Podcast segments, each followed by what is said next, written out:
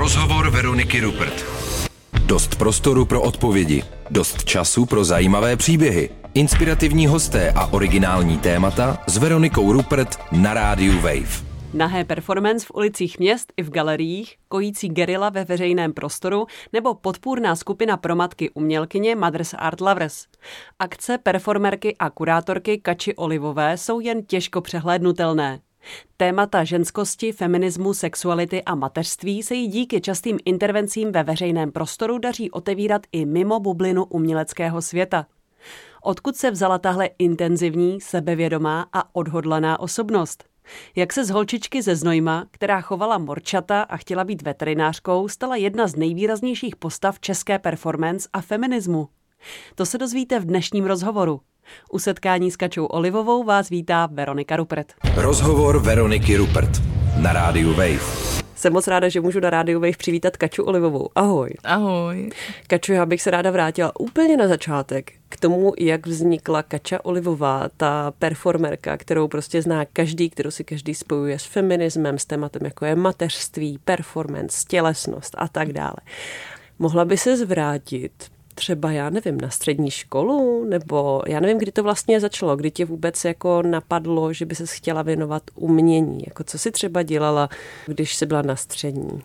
No já jsem studovala Gimpl a... Ve Znojmě? Ve Znojmě, mm-hmm. kde jsem se narodila a vlastně od, od školky jsem si myslela, že bych mohla být veterinářka.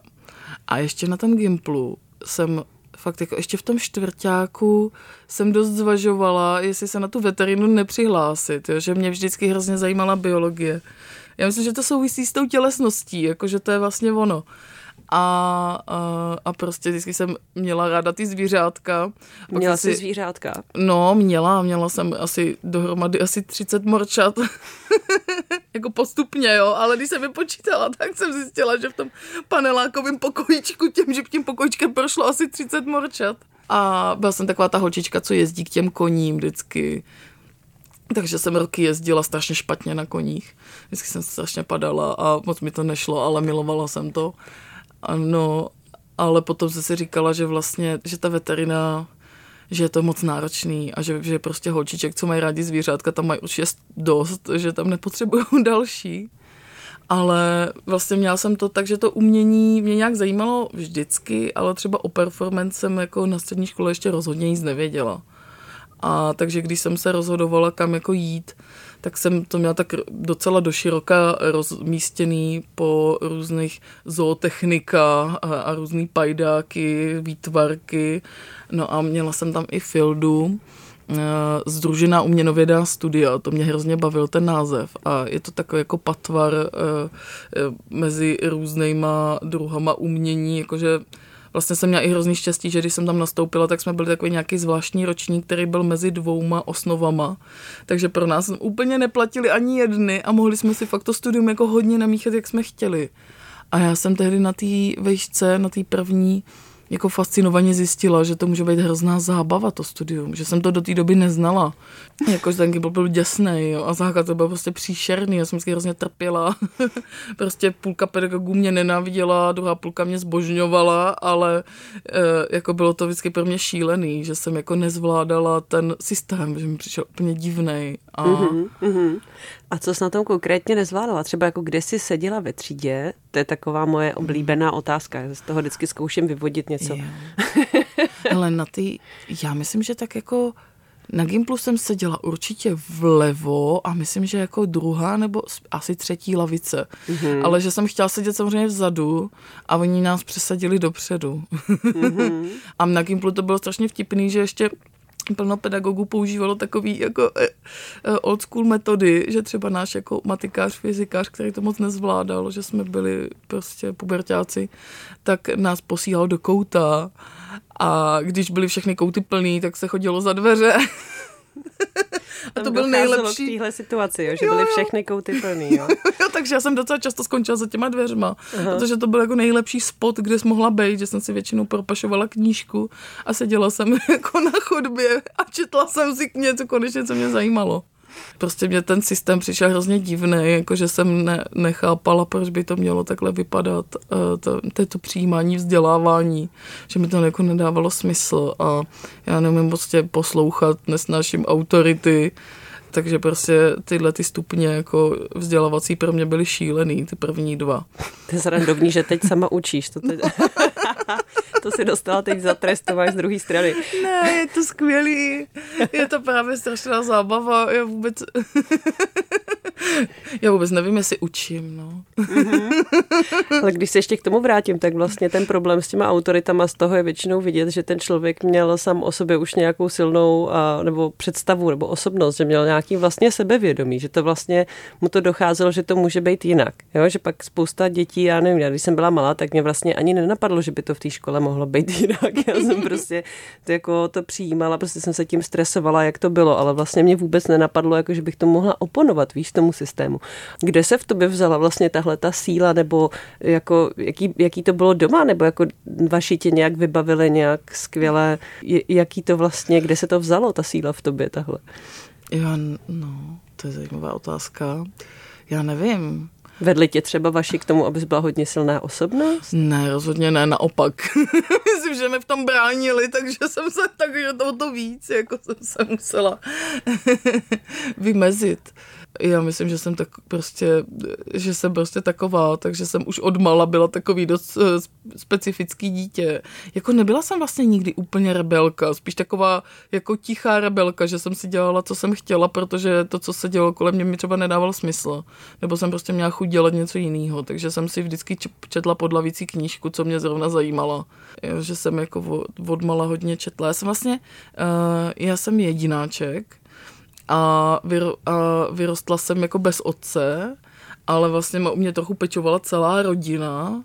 Mám teda bratra, který se narodil, když mi bylo 18, takže když jsem jako maturovala, tak se, tak se narodil, tak jsem občas jezdila s kočárem. Asi, asi jako, teď si říkám, že strašně málo, že jsem jako měla pomáhat víc, že mi to přijde vzhledem k tomu, jako, jaká je to náročný, to, ta péče o to malé dítě, tak si říkám, že jsem teda se tomu moc nedala tehdy. Ale vlastně myslím, že se spíš celá rodina snažila mě zařadit jako do toho chlívečku a já jsem se tam prostě nikdy nevešla. hmm. Takže vlastně vyrůstala si s mamkou mm-hmm. ve Znojmě jo. jako jedináček. Jaký to tam vlastně bylo na sídlišti? No, naštěstí to nebylo žádný velký sídliště, jo. A já mám pocit, že jsem jako třeba z toho raného dětství si vlastně pamatuju pořád, že jsme byli na chatě. Vůbec nevím, jak moc jsme tam nakonec byli, ale byly to prostě ty nejlepší roky, takže jsem vlastně vyrostla u Vranovský přehrady, mi přijde jako většině namočena prostě ve vodě nebo někde jako v křoví. Hmm. A jako myslím, že jsem měla dost pěkný dětství a máti vlastně se mnou jako hodně jezdila různě, protože prostě mě měla ještě na vejšce docela brzo, takže mi vykládala, jak mě, jak mě kojila mezi, mezi nějakýma bublajícíma ampulema, a, protože ona je chemička. takže já jsem vyrostla částečně v Pardubicích na, na té na chemické škole tam. A dost jsme právě jako chodili za kulturou, jakože vím, že jsme chodili furt za nějaký výstavy, ale byly to takový ty jako klasický, že mám pocit, že jsme se spolu vlastně jako by mentálně nedostali dál, než třeba k impresionismu, jo? Že, že to bylo jako její oblíbený, takže jsme, že na Zrzavýho jsme chodili pořád, jeden z jejich oblíbených umělců, a že i když jsem to tehdy asi jako strašně nesnášela, a, a, a protestovala jsem a odmítala jsem jako participovat na všem, tak vlastně teď na to vzpomínám strašně ráda, jo, že jsme třeba i na různý výlety jsme furt někde jezdili a já jsem vždycky protestně seděla na zemi, že už nikam nejdu a seděla jsem tam třeba hodinu. A tak si říkám, tak teď mám to tvrdohlavý dítě za odměnu. No to jsem se právě chtěla zeptat, protože pro spoustu lidí je tohle hrozně zajímavý, když se stanou z těch dětí těma rodičema, jak to změní najednou ten pohled na to, jaká vlastně byla třeba jejich maminka, jaký měli oni dětství, jak, jak to vlastně bylo, jak se na to vlastně zpětně díváš, jaký to bylo pro tvoji mámu kloubit to mateřství a kariéru, jak teda říkáš, byla, studovala chemii. No, jako určitě je strašně náročný, no. Myslím, že díky tomu, že měla jako podporu té širší rodiny, že že se o mě starala prostě i její máti a její sestry, že mě vždycky někdo vyzvedával ve školce, nikdy jsem nevěděla, kdo pro mě přijde, vždycky tam přiběhla nějaká teta úplně uřícená hodinu po zavíračce. Já jsem nevěděla, že jako, se se dneska jak nedomluvili, pardon. Takže já jsem vždycky hrabala to pískoviště s tou paní učitelkou a cítila jsem se strašně výjimečně, že jako mám tak skvělou práci. Takže myslím, že to jako pro ní určitě bylo náročný a, a, a já si vlastně říkám, že No, že se mnou to fakt asi nebylo úplně jednoduchý, že, že jsem jako dost teď uh, přehodnocuju nebo vzpomínám na to, jako jak, jak to musela zvládat a že vlastně se mnou byla dost trpělivá. že třeba takovou trpělivost já vůbec nemám, no. Nebo měla takový jako typ odhodlání, který, který možná který jsem trošku podědila, ale, ale projevuje se jinak. No jako rozhodně ten pocit té vně... Přijde mi, jo, to mi přijde jako hrozně smutný. Ten pocit té vděčnosti, kterou vlastně nedokážeš vůbec docenit, jako dokud to neděláš sama, nebo aspoň já jsem to tak měla a jako hodně uh, kámošek, s kterými jsme se o tom bavili, s tím vlastně souzní, že, že jako nedokázali nikdy pochopit, co všechno pro ně vlastně ty rodiče doopravdy udělali. Takže jako teďka ten pocit vděčnosti je konečně, e, e, jako, konečně to chápu. Jo. A říkám si, ty jo, tohle fakt pro mě někdo udělal. Ladíte Radio Wave, posloucháte rozhovor s Veronikou Rupert a dnes je se mnou ve studiu umělkyně, performerka, pedagožka Kača Olivová. Rozhovor Veroniky Rupert na rádiu Wave. Ty jsi vlastně říkala v úvodu toho rozhovoru, jak jsi měla ten moment, kdy se jako rozhodovala, jestli budeš ta veterinářka, nebo jestli se budeš jako věnovat nějakým způsobem umění. A vlastně si začala v tom momentu se tomu umění věnovat tak ze široka, že jsi řekla, tak zkusím tadyhle ty združený uměnovědní, uměnovědní obor, nebo jak to je. Jak se to pak zužovalo? Jak jsi došla k té performance? Jak jsi došla vlastně z toho Zajímá mě umění. K tomu, že prostě uh, stojím nahá v galerii a vytírám podlahu mezi návštěvníky prostě události a je to moje performance. No, eh, ta cesta eh, byla jako zábavná, protože já jsem vlastně na té fieldě tehdy zjistila, že vůbec nějaká performance existuje. To jsem jako nevěděla. A nebo jsem to tak jako, možná jsem někdy něco zahlídla, ale vlastně jsem to moc nechápala. A vím, že tehdy jsem fakt jako chodila, uh, ono tam moc takových přednášek nebylo, jo, kdyby se to dalo dozvědět, ale chodila jsem k Aleně po Majzlový na nějaký umění 20. století a bylo to pro mě úplně jako fascinující, že jsem vždycky, vždycky ona mluvila strašně rychle a já jsem pořád strašně psala, že jsem odcházela vždycky úplně zničená, aby jsem si popsala třeba 10 stránek, ale byla jsem úplně fascinovaná, že jsem na to vždycky zírala, říkala jsem si, wow, to je boží, to prostě fakt jako ty lidi dělali, jo a přišlo mi to prostě skvělý. A potom uh, můj spolužák Tomáš Hodboť se hlásil na FAVu na, do ateliéru Performance. A v té době jsme se o tom jako docela bavili, i tam chodil jako na přednášky Tomáše Rulera, tak jsem tam chodila s ním a, je, a přišlo mi to jako hrozně zajímavý ten prostor a to, jak tam lidi jako uvažují. Hmm. A když jsem s tím Tomášem vlastně procházela tím, těma jeho přijímačkama, protože jsme v té době nějak spolu i bydleli, takže jsem prostě občas někde něco podržela, vyfotila, nebo naopak na sebe něco navlíkla, aby on mě mohl vyfotit, takže jsem trošku byla v tom procesu uh, jako taková podržtaška. A tak, tak se si říká, ty to je dobrý, ne? A, a pak když jsem tam dostal, tak, se, tak mě to fascinovalo, že to jako jde, tak jsem říkala, tak to je super, takže jsem tam dostal hotboj, tak to tam dostanu taky. Takže jsem se tam potom hlásila za rok taky. Akorát mě vlastně z toho ateliéru performance uh, přemístili během těch přijímaček do ateliéru tělového designu, což je, bylo skvělé řešení a jsem za to jako dost vděčná takže jsem mohla začít studium u Jany Prekový a pak ho jako dokončit uh, u Lenky Klodový. No, a, a tak to nějak jako začalo. Pak to bylo, jako bylo to pro mě dost zajímavý vlastně z, eh, z toho Gimplu, jako z těch... No počkej, a proč tě teda eh, dali do toho tělového designu? No, že jsem třeba rozlepovala, viděla jsem nějaký plagáty, velký plagáty kos, který jsme gerilově rozlepovali po městě, jako po centru. Jako ne zvířat, ale po prsí. Ano, ano, ano. Já, já říkám kozy, ale je to lásky plný, jo, není to sprostý, to je normální slovo. jako koza mlíko dává, ne? Takže si prostě měla v tom určitou ikonografii, v tom, co si dělala, která nasměřovala ty pedagogy k tomu, že patříš do tělového designu. Jo, jo, já myslím, že tehdy právě Tomáše Rulera, který vedl performance, to trošku vyděsilo, tak mě poslal za svojí manželkou a, a tam to nějak jako zaklaplo jo. A zároveň si říkám, že ta Jana Preková tehdy jako měla, a to jsem teda pozorovala i při dalších přijímačkách potom, jako strašnou citlivost na to, který lidi vlastně vyhmátnout, že jako by dokázala vidět potenciál i na věcech, který na to úplně nevypadaly, jo? Mm-hmm, že vím, mm-hmm. že mhm. jsem viděla jako jiný prostě přijímací kola a, a třeba jsem, jsem jako nechápala ty její rozhodnutí. A teď, jako když vidím, co ty lidi dělají eh, po těch třeba 15 letech, tak si říkám, ty jo, ona měla pravdu. Jako. Takže to, takže jsem ráda, že to právě takhle dopadlo a že ne, moje jako ne, neskušenost v rámci nějakého současného umění v té době to jako nezvrátila, abych tam nastoupila.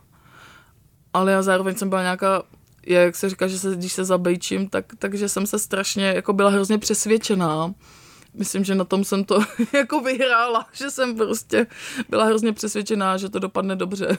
Hmm. Já vím, že když eh, probíhal festival náhých forem, to bylo myslím loni nebo předloni už? Uh, jo, on, on je každý rok už teď byl šestý ročník. Šestý ročník teď byl. Tak mm-hmm. když mhm. právě probíhal, tak uh, jsem se dívala na ten program, který byl vlastně dost bohatý a došlo mi, kolik lidí se vlastně opravdu věnuje u nás, jenom u nás, kolik lidí u nás vlastně pracuje se svým tělem nahým. A vlastně uh, to pro mě bylo úplně překvapující. Jsem si říkala, wow, to mi vlastně nikdy nedošlo, že to tady dělá tuhle věc jako tak tolik lidí, že je to tak, tak velký téma. A bylo to tak, i když ty si vlastně šla na ten tělový design, nebo jak, jak se to vlastně vyvíjí, tahle věc? No, já si myslím, že třeba na tom, na tom festivalu Nahých forem, že uh, tam performují i umělkyně a umělci, kteří třeba s tou nahotou nepracují jako po, často, ale je to pro ně nějaká varianta. Aha. Uh, že málo lidí to vlastně dělá úplně neustále. Jo. To je, to je, na, to je nás tady opravdu pár, jakože myslím, že my s Lenkou a možná, a, a to je možná jako všechno už, že, ty, že jinak se jako performerky, performeři často slíknou jako výjimečně uh, spíš. A pro mě tehdy vlastně na té škole to nebylo jako normální úplně. Mně se to nějak stalo, já ani vlastně nejsem skoro schopná říct, jak jsem se tam dostala. Jo. To, já totiž tvořím mně se to tak děje. Já to, mně se občas prostě to umění zdá třeba, jakože se mi někdy zdají performance a pak je musím udělat, nebo, se, nebo je to něco takový, takový nějaký vize, který jako choděj a já jenom tak sbírám a říkám si, jo, to je super, to hrozně. A pak třeba zpětně zjišťuju, co jsem vlastně udělala, jaký to jako mělo smysl, jako co byly vlastně ty motivace, jo. Takže já vlastně ani nevím, jak se to stalo, ale nějak to bylo hrozně potřeba. Začala jsem tím, že jsem právě točila jedno jako takový taneční video, kde jsem tančila nahá a myslela jsem si, že to v tu chvíli jsem to točila, tak jsem si říkala, že to točím, protože to v životě nebudu dělat naživo. A dělala jsem to naživo asi za dva měsíce. a zase nebylo možnost jako udělat to jinak, jo? že to prostě občas jako se, se dostá do situace, s který jako nešlo jít jako jinou cestou, než, než touhle. No. Hmm. A bylo to hrozná fascinace, teda potom, co jsem se slíkala, tak jsem jako několik let nedokázala performovat oblečená že i když jsem to neplánovala, tak ze mě vždycky to oblečení spadlo během vteřiny a skončila jsem někde nahá. A v čem to pro tebe bylo tak silný, nebo v čem, pro, v čem to pro tebe je tak silný? Protože pro spoustu lidí je to naopak jako něco, co by je úplně blokovalo vlastně, kdyby se slíkli. No, je to jako jiný zážitek sebe i toho prostoru, i toho kontaktu, jako té komunikace. Jako je to fakt hodně svobodný. Že prostě jako co máš, to tam doneseš a, a teď to tam spolu nějak jako zažíváte. Jako třeba teď už to neprožívám takhle intenzivně většinou, jo, že už je to pro mě trošku jako zvyk, ale mám to strašně ráda, jako já bych klidně chodila nahá všude, mně by to přišlo super, kdyby mi nebyla zima. Teď jsem jako nedávno přišla na to, že, že to skvělé oblečení, barevný, třpitivý, chlupatý musím mít proto, abych se vůbec chtěla oblíct že jako jinak by mě to moc nemotivovalo, že představa, že bych si měla vzít nějaký černý hadery, což je teda typický jako performační oděv, jo to pro mě taky vlastně bylo trochu... Naprosto ne... neutrální, že buď někdo jo. používá úplně tělovou, že jo, což je vlastně jakoby skoro nahota, ale není, no a, a nebo to až, černou. Jo, a to s tou tělovou to je až poslední roky. Aha. Jako ta černá je taková fakt old school, jako navždy úplně se. A mě ta černá není já, vůbec vlastní, takže jsem to párkrát zkusila, ale to byla spíš ironizace té performerský černý A, no a, při, a jako používat moje vlastní oblečení přišlo divný, protože to zase vypadá jak ten kostým. Jo, že už to hrozně určuje něco a to jsem nechtěla. A fakt jako normální oblečení svoje používám při performance výjimečně, jako nemám to vůbec ráda protože to je prostě oblečení, to není kostým. Hmm. Takže jako mám nějaký svoje prostě kostýmy zvěřátkový nebo jako celotělový oblečky, ale jinak mi ta nahota přijde i jako takový nejmíň kostým, že to je jako nejvíc fair stav, který, v kterým já můžu jako vycházet.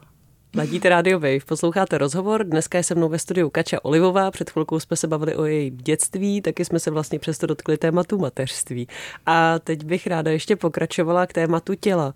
My teď na Radio Wave vlastně máme nový podcastový seriál, který se jmenuje Sádlo a který je o přijetí vlastního těla.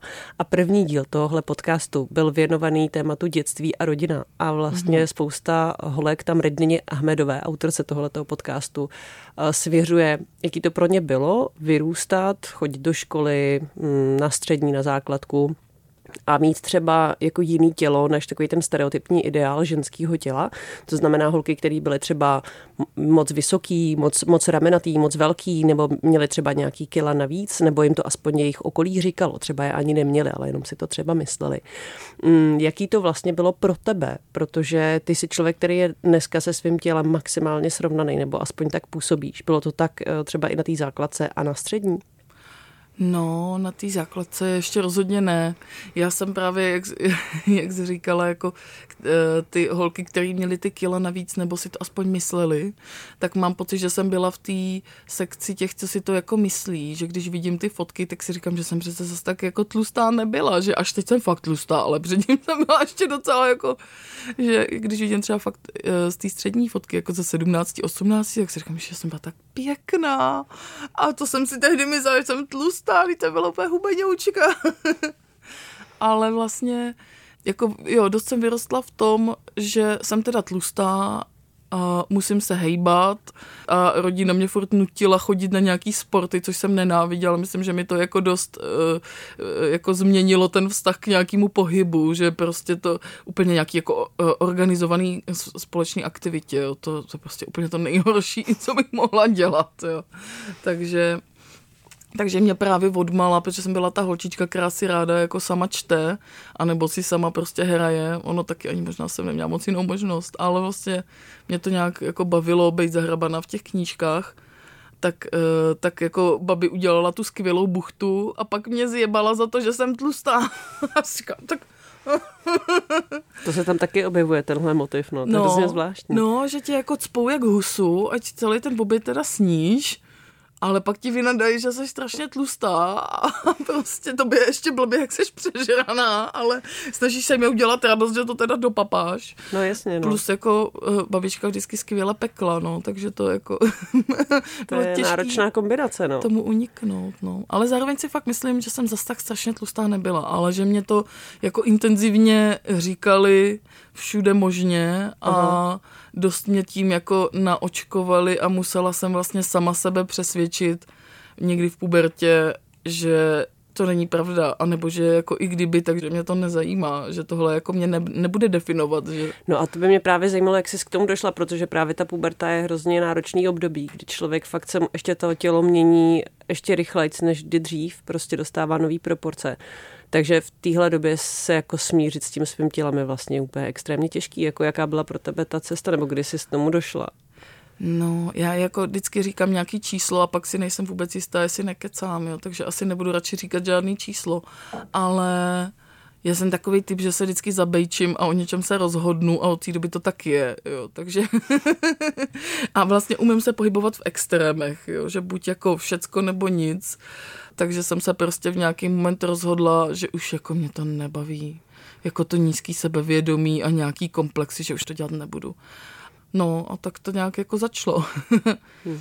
Jako pomohlo tomu třeba trošku tehdy v 16 mu jako takový první další vztah, ale jenom spíš jakoby pomohl, že myslím, že už jsem se rozhodla předtím, že jsem si říkala, že už ne, že tohle prostě hrát, tuhle růž nehraju, že tohle, takhle se o tom jako bavit nebudem. A, a ještě jsem si uvědomila, po tom, co jsme se takhle o tom, o té uh, tloušťce bavili i s, v rámci nějakých jiných rozhovorů, že mi vlastně v tom i pomohlo uh, to moje oblíkání protože to je taky jako terč jako mnoha reakcí eh, a kritiky a, a občas naštěstí i hezkých reakcí, ale, ale prostě rozhodně je to něco, na co všichni mají pocit, že by se k tomu měli vyjádřit, že určitě to jako je na místě tak možná pro všechny, co to posloucháte, není to nutný. vůbec, nemusíte, vůbec nemusíte komentovat, co lidi kolem vás nosí, je to jejich věc. a když tak teda pozitivně, to jako to občas dělám, když mě přijde někdo fakt dobře oblečený, tak hmm. jakože je pochválím, protože se mi to líbí, ale jinak nevidím důvod, proč bych někomu měla říkat, že má strašně nudný hadry. Uh, no, tak to je jako odbočka. Ale že vlastně tady to jako zacházení s tím oblečením bylo pro mě nějaký krok jako k tomu, k té svobodě od toho řešení té tloušťky, protože jsem si říkala, dobrý, a teď se mi ty lidi, ale jakoby, když už se mi budou teď jako smát, nebo budou na mě blbě koukat, tak to dělají kvůli něčemu, co já mám pod kontrolou a já to určuju a mě to nějak definuje.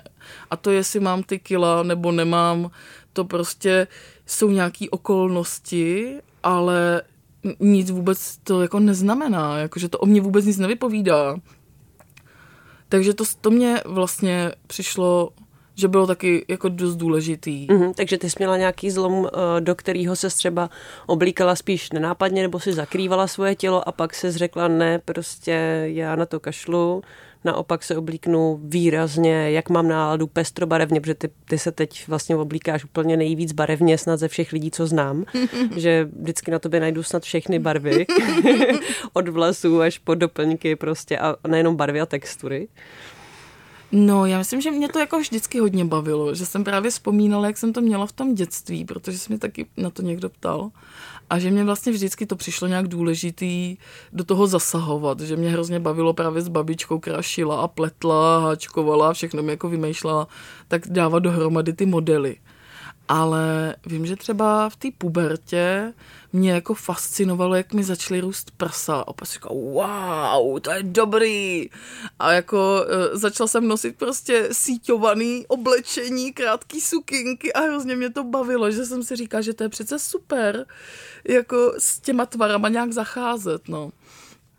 Takže, e, takže jsem to pak jako třeba ještě Určitě jsem měla nějaký období, kdy jsem se víc jako zakrývala, ale pak jsem pochopila, že to nemá smysl, že jako když jsem veliká a obleču si na sebe ně, něco, nějaký stan, takže prostě vypadám jak jako chodící cirkus a že to vlastně eh, nefunguje, že to jako ne, není úplně dobrá strategie, že No, takže jsem si spíš jako začala radovat z toho, eh, co všechno mám a jak je to báječný, protože mě hrozně baví, co ty těla umějí, jak je jako každý jiný a, hmm. a všechny jsou nádherný.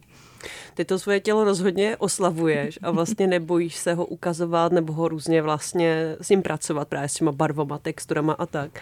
Jaký to vlastně bylo, když eh, si byla fakt ještě ta teenagerka nebo mladá holka a byla si takhle oblečená, vlastně když to popisuješ, tak to zní dost vyzývavě, prostě síťovaný věci, prostě velký prsa, prostě velký všechno. S jakýma reakcemi se vlastně setkávala? A od lidí a, a od mužů a jak jsi to zvládala? Jako možná třeba v té pubertě to ještě asi nebylo tak extrémní, jak jako teď, jo. Já jsem Aha. jako měla, měla jsem období těch jako síťovaných věcí a tak, ale když ještě nemáš ty vlastní peníze úplně a tolik si to oblečení jako nemůžeš sama pořídit, tak trošku nějak pracuje s tím, co máš, takže potom mě to vedlo trochu k takovým jako hypísáckým období, kdy jsem si sama začala jako pomalovávat všechny věci a batikovat. Ten gimpl jsem měla takový dost hypísácký protože mi to přišlo jako dobrá jako, jako možnost, jak vlastně s tím teda zacházet. Takže to ještě možná ty komenty tak až jako nepřicházely. A myslím, že třeba ty barvy, nebo ono v tom byly ty barvy, ale ještě to bylo takový trošku utlumenější asi než, než teď, no. Maximum těch barev přišlo spíš jako na té první vejšce, na té fildě, kde jsem přišla jako ta hippie sanda a teď tam vypadali takhle všichni a říká, no, tak co s tím?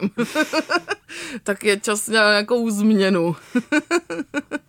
a trošku se mi to jako posunulo jiným směrem a začala jsem si barvit vlasy na růžovo. A, a konečně jsem vlastně mohla víc jako ovlivňovat, uh, sama si kupovat ty věci, že jo, který nosím, bez nějaký velký kontroly. Takže člověk v sekáči sežene, jako co potřebuje za pár korun. A jaký je to vlastně teda teď? No, občas je to jako, žere to strašný energie.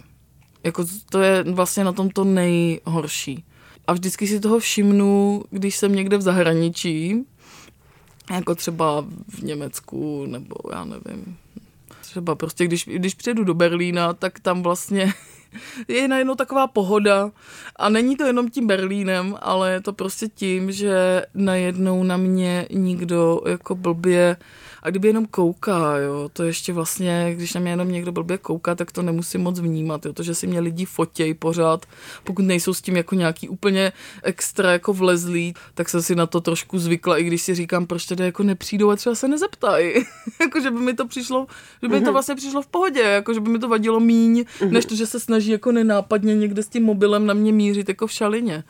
Ale vlastně spíš nejhorší jsou takový ty jako poznámky, které zaznívají těsně za mýma zádama, tak abych je slyšela, ale abych, kdybych na ně potřebovala nějak reagovat, tak se musela fakt jako otočit, aby vlastně, že ty lidi jako to komentujou dost hnusně, ale vlastně tak, aby to komentovali jakoby z nějakého bezpečí, jo. A nejhor, jako fakt je na tom náročný to, že se s tím musím to nějak minimálně dát nějakou energii do toho, abych to jako odpinkávala a nenechala se tím stresovat což prostě právě ubírá energii na jiné věci. A s tím se setkáváš pořád i teď? Pořád. A liší jako... se v tom třeba nějak Praha a Brno? Nebo je to úplně stejný? Moc ne.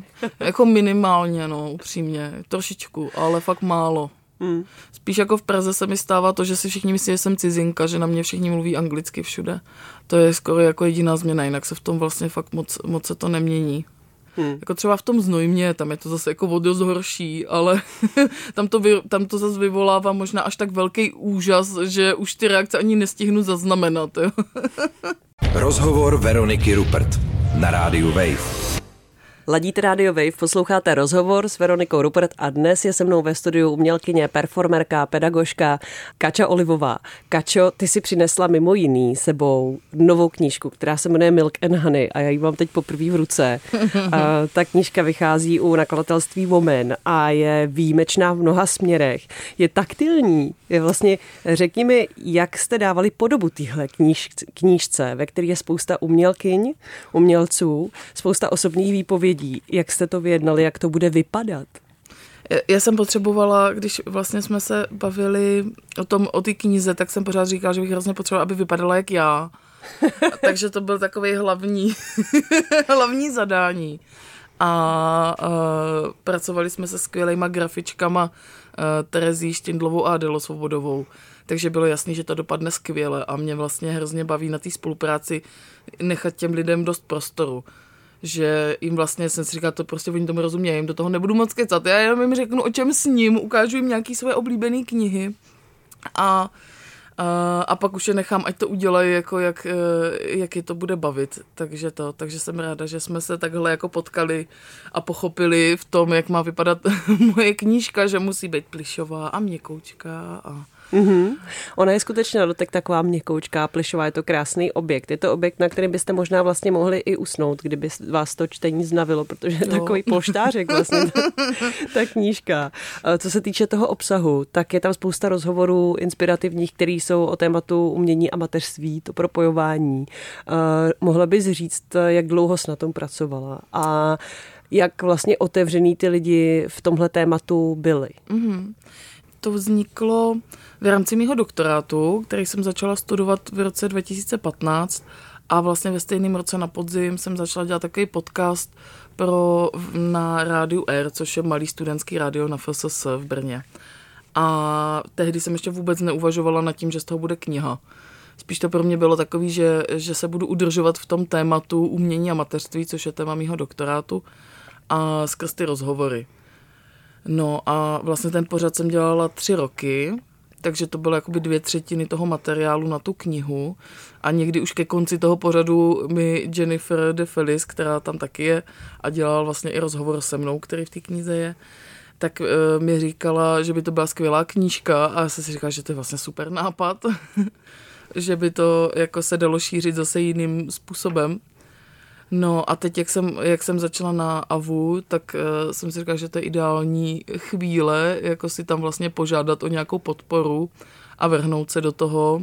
A ještě jsem teda hlavně potřebovala podporu Báry Baronově nakladatelství Vimin, jinak by to jako asi nedopadlo, protože bych vůbec nez, nezvládla jako všechny ty věci nějak zmanéžovat a vědět, kdy co se má kam odevzdat. Hmm. No a, a vlastně v tom uh, roce teďka loňským už, tak jsem dotáčela ještě tak jako třetinu rozhovoru. Takže to vznikalo jako částečně tři roky a teďka ten poslední rok jako fakt intenzivně. Hmm. A ještě se to na to, jak byly otevřený, že? Aha. Jak moc do hloubky vlastně jo, jo, v těch jo, rozhovorech jdete, protože to je strašně široký téma. No, jako já vlastně jsem hodně spovídala, nebo takový jako klíč uh, pro, ty, pro výběr těch uh, napřed žen, pak už i mužů, kterých jsem vlastně zvala, uh, tak bylo to, jestli jsou jako aktivní nějak profesně a zvala jsem tam vlastně nejenom umělkyně, ale i teoretičky a kurátorky a aktivistky. Že mi přišlo, že ten aktivismus je tomu umění vlastně blízko v té kreativitě nějakým způsobem a, a že vlastně řešíme dost jako podobné věci i vlastně docela podobnýma způsobama. A, no a, a většinu těch žen jsem teda znala, takže, takže to bylo i tak, že jsem věděla, že třeba ten rozhovor, že jsem znala jako třeba do detailů docela ten jejich příběh a přišlo mi zajímavý, jak, jak pracují právě s tím mateřstvím třeba ve své tvorbě, jak se to tam jako objevuje takže jsem i e, docela jako věřila, že, že se dostaneme do těch hloubek, které by mě zajímaly. No. A postupem času jsem, když jsem taky zjistila, jak se vlastně dělá rozhovor, tak jsem, teda vlastně možná nemůžu říct, že to umím, jo, ale, ale nějaký jsem si to potřebovala ošahat, co to jako znamená. Hmm. A tak už jsem pak zvala i lidi, kteří jsem třeba neznala a přišlo mi skvělý, že, že někteří se fakt se mnou pouštěli jako do hodně intimních, bolavých témat. Třeba jsem pozvala kamarády, který, e, který zažili to, že jim e, zemřelo dítě týden po porodu a vlastně to jako hodně verbalizují, tuhle tu zkušenost a mně to přišlo strašně jako důležitý uh, to sdílet, protože mám pocit, že asi jako lidi, co tohle zažijou, se v tom cítí dost sami. Hmm. A, a že ještě když jako dokáž, dokázali vlastně tuhle zkušenost fakt nějak jako pojmenovat a uchopit, a, a, a třeba i formulovat, jako co, co jim vlastně pomáhalo a co by jim pomohlo, hmm. tak mi přišlo, že to jako nemůžu neudělat, že to bylo fakt uh, důležitý. No. Takže tam vlastně nejsou jenom eh, nějaký jako happy stories o, o dokonalých rodinách a o, o perfektních profi nebo o ženách a mužích, kteří skvěle zvládají kloubit mateřství a práci a jsou tak jako pozitivní vzory. No, ne. ne, já jsem jako, jedním z těch cílů bylo poskytnout nějaký reálný mediální obraz mateřství. Že mi přišlo, že právě s tím, co, co, co vidím v médiích, se nejsem schopná jako nějak stotožnit, že mi to nedává smysl, že to takhle není. Že to jako není... Uh, že mi přišlo, že se to mateřství často prezentuje v těch extrémech, jakože buď úplně skvělý nebo úplně příšerný, ale že ta realita je vždycky někde jako mezi a tak různě to jede v těch vrstvách. A vlastně mě hrozně zajímalo, i jak se právě s tím jako různí lidi uh, vyrovnávají, jako jaký vlastně používají strategie přežití a říká se, že se tam jako trochu třeba něco naučím, že by mě zajímalo, jak to jako dělají, když vím, že někdo je fakt aktivní a hrozně jako maká, tak si říkám, ty jo, jak to jako mají, jo, že takže to byla taky jedna jako z motivací, proč to dělat, že třeba se něco jako dozvím, jak to, jak to dělat líp, jo. Hmm, nebo... A dozvěděla jsi něco takového?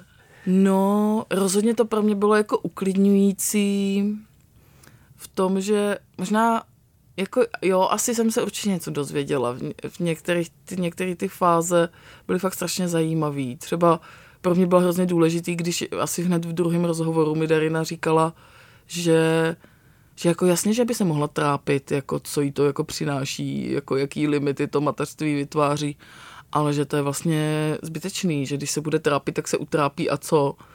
A říká, no jo, vlastně. Takže takový jako aha momenty jsem měla docela často. Mm-hmm. Darina Alster. Ano, Darina Alster. Aha.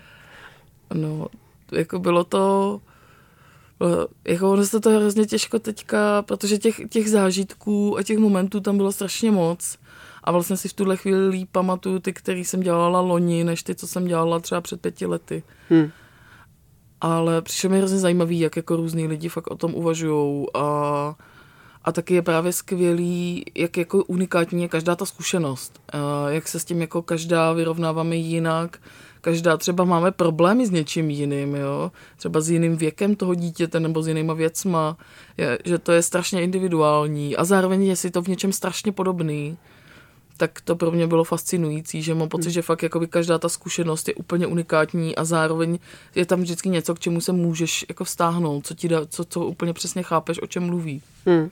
Eh, na mě to působí jako hrozně silný téma, opravdu to umění a mateřství, umění a otcovství, že to je téma, který se fakt odkrývá teď v poslední době, že to je vlastně téma téhle generace, bych řekla, umělecký, která teď aktuálně je v té fázi opravdu toho tvoření a zároveň v té fázi života, kdy máte ty děti, máme ty děti, eh, takže to je opravdu vlastně poprvé, kde se tahle věc takhle silně tematizuje. Je to tak? Nebo jak to vnímáš ty? No, uh, vlastně jsem ráda, že jsem jako tam mohla pozvat i ženy, které už třeba teď jsou babičky a, uh, a vlastně mluvit i o jejich zkušenost, takže bylo pro mě důležité jako poskytnout různý pohledy, takže uh, moje vlastně pedagožka, která vede i ten můj doktorát a byla jako první spovídanou osobou, a zároveň psala doslov k té knize Lenka Klodová, tak, tak ta vlastně mluvila jako o její zkušenosti kdy měla vlastně děti, nevím jestli na, už na konci 80. nebo začátek 90. ale prostě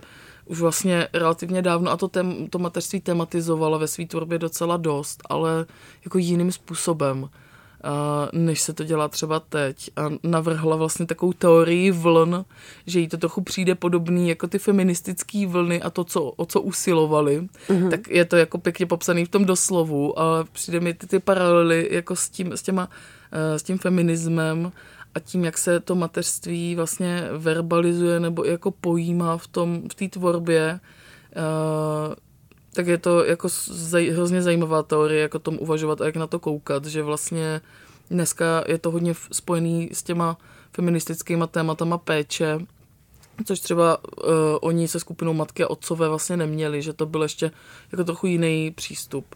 Hmm. Ale takže myslím, že se jako mm, s ním zacházel nějak vždycky, ale teď je to fakt jako intenzivní téma, s kterým, za který už se nemusí stydět že to si myslím, že se docela změnilo, že ještě třeba i před pár rokama kdy vlastně takovýto uh, trendy umění, bylo to úplně studený, konceptuální, bez, hlavně jako bez emocí, tak, tak rozhodně uh, matky se jako nem, neměly být moc vidět, jo. A, a pořád to funguje tak, že vlastně hromada umělkyň uh, z té scény zmizí, a některý se vrátí, některý ne, ale vlastně furt je ta, ta zátěž jako té péče je primárně na ženách a často je to prostě stojí tu jejich tvorbu. Někdy třeba dobrovolně, ale jako někdy úplně ne, no.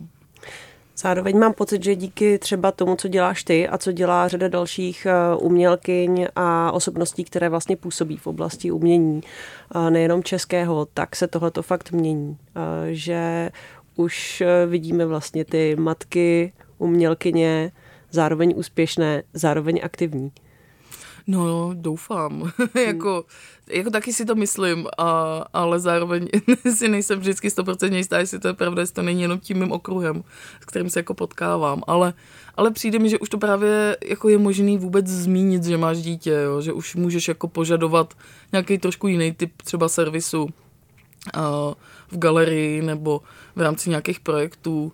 A, a hrozně mě těší, když už to nedělají jenom ty matky, a dělají to i ti otcové, že prostě jako chodí třeba do práce s dítětem, jo, nebo teď jak prostě všechno se řeší přes ty online koly, takže jako vidíme nejenom ty matky s těma dětma na klíně, který jako jednou rukou vařejí a, a druhou rukou utírají prdel a u toho prostě řeší nějaký jako intelektuální témata, ale už prostě potkáváme jako i ty, i ty otce, co se dějí s těma dětma, jako na tě, u těch kólů a, a, a prostě řeší nějakou koncepci jako vzdělávací a do toho prostě tam jako se, se pečou o svý děti, tak to mi přijde přijde úplně super, to mě vždycky hodně potěší. Hmm. Jaký to vlastně je pro tebe, jak si udržuješ tenhle ten work-life uh, balance teď právě v téhle době, hmm. přesně těch kolů a covidu, to pořád učíš na AVU, zároveň pořád cestuješ Praha, Brno, pořád děláš svoje věci. No, je to takový šílený maglajs, jakože moc nevím vlastně. Uh, jako v rámci té rodiny je to skvělý, že třeba od té doby, co jsem na AVU, tak uh, je můj muž definitivně jako primární pečující osoba, zároveň náš syn už teď bude mít 8, takže už je větší, že už je to zase trošku jako jiný. A, uh, a sám strašně rád sedí u počítače, takže občas mám pocit, že všichni sedíme někde u počítačů a něco si tam jako jedem. Ale hledáme vlastně třeba v ateliéru právě na AVU způsoby, jak, jak jako se z toho nezbláznit a jak si vlastně užít, jak jako trošku nakopnout prdel tomu online způsobu. A a vlastně tenhle semestr mi i přišlo, že se nám to docela daří, že ten, jako, že ten první, kdy to začínalo, tak jsme spíš reagovali na tu situaci a nějak se to snažili zvládnout. Ale teď vlastně už to, už to bylo jako i docela zábavný, že jsme testovali třeba právě, jak se dají jako přenášet emoce přes internet, jestli to funguje a dělali jsme takový různý imaginační cvičení společně a bylo to hrozně zábavný a teď jsme měli klauzury, které myslím, že se hrozně povedly, že jsme to fakt si pojeli spíš jako takovou party a bylo to prostě čtyřhodinová prezentace prací, což je z ní hrozně dlouhý, ale vůbec to dlouhý nebylo a pak jsme další ještě čtyři hodiny spolu tancovali, každý za tím svým počítačem a bylo to vlastně super. Takže mám pocit, že, že se to nějak daří, i když v tom pořád ještě tady v tom, že to jako funguje, je nějaký pocit nějaký dočasnosti, jo. Jako nevím, nevím, jestli jsme nastavení na nějakou vizi, že to není až tak dočasný, ale tak zatím doufám, že, že se jako ještě taky budeme někdy výdat. Vlastně my spolu mluvíme ke konci ledna. Začíná rok, od kterého lidi vůbec nevědí, co mají čekat. Máš nějaké jako očekávání od letošního roku, nebo jako s čím do toho letoška vlastně jdeš? Protože pro spoustu lidí je to dost depresivní rozjezd teď. No, já asi takový, s takovým svým běžným nadšením.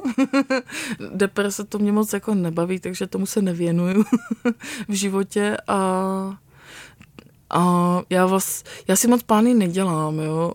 Mně to nepřijde užitečný, protože si myslím, že kdyby jsme se, jako tohle jsme asi nepředvídali, takže mi víc dává smysl nějak uh, se úplně nehroutit a nějak to jako přijímat a zkusit s tím zacházet tak, aby to pro nás bylo aspoň třeba užitečný nebo zajímavý a vlastně v tomhle kontextu mi dává fakt smysl péče, uh, jako myslím, že to, eh, že tahle situace odkopala hromadu průserů, o kterých jsme viděli a ne, jenom jsme se tvářili, že nejsou, jako třeba uh, jako málo lidí ve zdravotnictví, že se to jako ignorovalo roky, tak prostě se pak ukáže v té krizi, že, že to fakt je problém.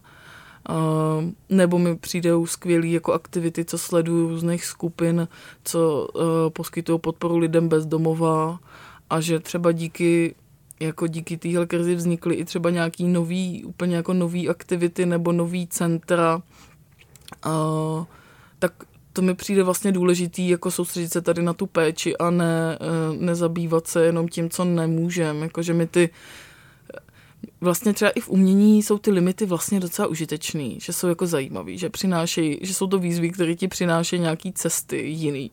Takže takhle mě baví spíš to číst, než se jako hroutit z toho, že něco nesmím. Hmm. Jako samozřejmě, že se těším na to, až se někde potkáme na vernisáži a půjdeme prostě na párty, ale když jsem zjistila, že se dá udělat hezká party i jenom u počítačů, tak je to prostě varianta a má smysl se tomu věnovat, no a uh, přijde mi i třeba skvělý že, že tady uh, tahle pandemie jako trochu pomůže té naší planetě a, a že se to taky jako už ukazuje, že to, že to fakt má nějaký reálný dopady jako na klimatickou změnu. Myslíš třeba to, že se méně létá? No, třeba to, že se méně jako cestuje, že se třeba tolik v nějakých jako chvílích uh, té pandemie třeba se nevyrábělo tolik věcí a tolik jako ne, necestovali po světě, takže se že, že se jako ukazuje, že to něco dělá, že jo, takže to nějaký vlastně pozitivní dopady jako to vždycky má, i když, i když to tak nevypadá. Říká Kateřina Olejová, která byla hostem v rozhovoru na rádiu Wave. Kačo, já moc děkuji za návštěvu. Já taky moc děkuji, bylo to super. a vám samozřejmě přeju taky příjemný den a příjemný poslech dalších podcastů a pořadů Rádia Wave. Poslouchali jste rozhovor, všechny naše rozhovory, které pro vás připravuju společně s kolegou Martinem Minhou, najdete v podcastech Rádia Wave a také na wave.cz lomeno rozhovor. Těším se na slyšenou příště. Rozhovor Veroniky Rupert. Dost prostoru pro odpovědi Dost času pro zajímavé příběhy. Rozhovor Veroniky Rupert. Poslouchejte velké rozhovory se zajímavými hosty kdykoliv a kdekoliv. I offline. Přihlaste se k odběru podcastu na wave.cz lomeno podcasty.